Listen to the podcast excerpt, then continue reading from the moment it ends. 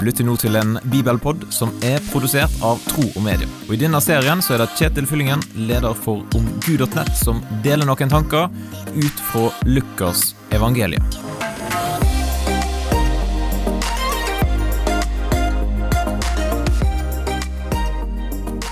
George Whitfield er en predikant som levde på 1700-tallet, og han var bl.a. kjent for å ha ei rimelig sterk stemme. Benjamin Franklin han anslo at eh, tallet på mennesker som eh, George Whitfield kunne tale til på ett møte, det var oppimot 30 000 personer. Og det blir anslått at han i løpet av livet talte ca. 18 000 ganger, og at han kommuniserte til rundt 10 millioner tilhørere. Det er jo ganske imponerende. Men litt seinere, fra midten av 1900-tallet, da var Billy Graham aktiv, og han er jo kanskje verdens mest kjente forkynner. Og han talte til over 215 millioner mennesker på ulike møter rundt omkring i verden. Hvordan i all verden kunne han tale til så mange flere? Jo, han hadde tatt i bruk tekniske hjelpemiddel, mikrofoner, høyttalere, som gjorde at stemmen hans, den nådde lenger ut. I dagens bibelpodtekst så står det noe om hva Jesus gjorde for at stemmen hans skulle nå ut til flere. I evangeliet til Lukas, kapittel 5, vers 1-3, så står det En gang sto Jesus ved Genesaretsjøen, og folk trengte seg inn på ham for å høre Guds ord. Da fikk han se to båter som lå ved stranden. Fiskerne var gått ut av dem og holdt på å skylle garn. Jesus steg opp i en av båtene, den som tilhørte Simon, og ba han legge ut fra land. Så satte han seg og underviste folkemengden fra båten.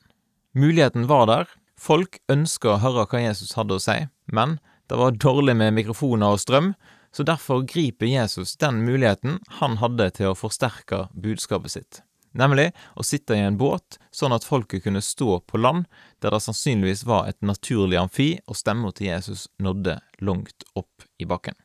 Jesus hadde noe viktig på hjertet, og flest mulig måtte få muligheten til å høre det han hadde å si. Hvordan er det med oss i dag? Har vi noe på hjertet? Har vi noe å dele? ja, da har vi flere muligheter enn noen generasjon før oss til å nå ut i ulike kanaler. Vår største utfordring er kanskje å finne ut hvor er de folka som faktisk vil lytte til oss, og så taler jeg til dem på en måte som de forstår, og som de hører, gjennom de kanalene som vi har tilgjengelig. Hva tenker du om disse ordene her i Lukas kapittel 5? Er det noe som utfordrer deg i dag? Del gjerne dine tanker med meg. Du kan sende en e-post til kjetil kjetil.troogmedier.no, og så setter jeg stor pris på om du deler Bibelpodden med noen som du kjenner. Da ønsker jeg deg en fin dag, og så poddes vi plutselig igjen.